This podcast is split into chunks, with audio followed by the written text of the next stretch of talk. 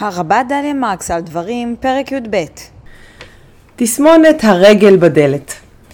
ידידיי הפסיכולוגים מדברים על תופעה שבה אדם יכול לשבת בשעה טיפולית כמעט שלמה ולדבר על נושאים שונים, על הא ועל דא, אבל לא באמת להגיע לדבר הקיצוני, לדבר החשוב ביותר. משה מזהיר את עם ישראל מפני פיתויים תרבותיים ודתיים הצפויים להם בארץ המובטחת. הישמר לך פן תינקש אחריהם. הישמר לך שהם לא יהיו לך למוקש. אבל רק בפסוק האחרון בפרק נחשפת הזוועה במלוא התגלותה. החטא האיום מכל שממנו צריך להתרחק ולהיזהר.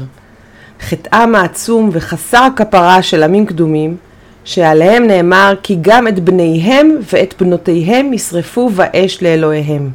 אם כן, קורבן אדם הוא תועבת התועבות. כבר בראשית הדרך לימד הקדוש ברוך הוא, לימדה התורה, שאלוהי ישראל אינו חפץ בקורבן אדם. הניסיון החמור שאברהם אבינו, הוא עמד בו, נועד, לפחות לפי דעות אחדות, ומשכנעות בעיניי, להוציא מלב כל מי שסבורים היו שקורבן אדם ערב ורצוי ומקובל על אלוהי ישראל. בעולם הקדום, במסופוטמיה, במצרים, גם ברומי ויוון העתיקות, בתרבויות גרמניות וסקנדינביות, היה מקובל קורבן אדם, ובעיקר בשעות של משבר ומצוקה קיצוניים. האלים, כך האמינו אותם עמים, חפצים במתנות יקרות ערך.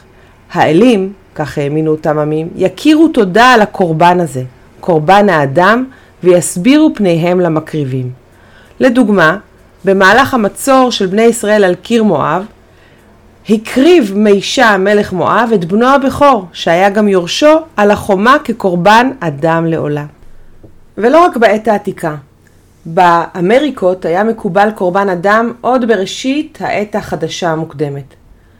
רצח ריטואלי, מה שמכונה קורבן אדם, פסק עד כמה שידוע לי. הוא איננו מתקיים עוד עד כמה שאני יודעת, באף תרבות בעולמנו, וברוב התרבויות גם חדלה הקרבת בעלי חיים. ומי ייתן שלא יישא גוי אל גוי חרב, שגם מלחמות ייעלמו, ייעלמו מן העולם, שאנשים, נשים וטף לא יהיו קורבן, לא יקפחו חייהם במלחמות ומאבקים כוחניים. מי ייתן שנזכה להקריב מזמננו ומשעותנו לטוב ולדעת, ומי ייתן שיתקיימו בנו מילות הפסוק מפרקנו, ושמחתם לפני אדוני אלוהיכם, אתם ובניכם ובנותיכם ועבדיכם ואמהותיכם והלוי אשר בשעריכם.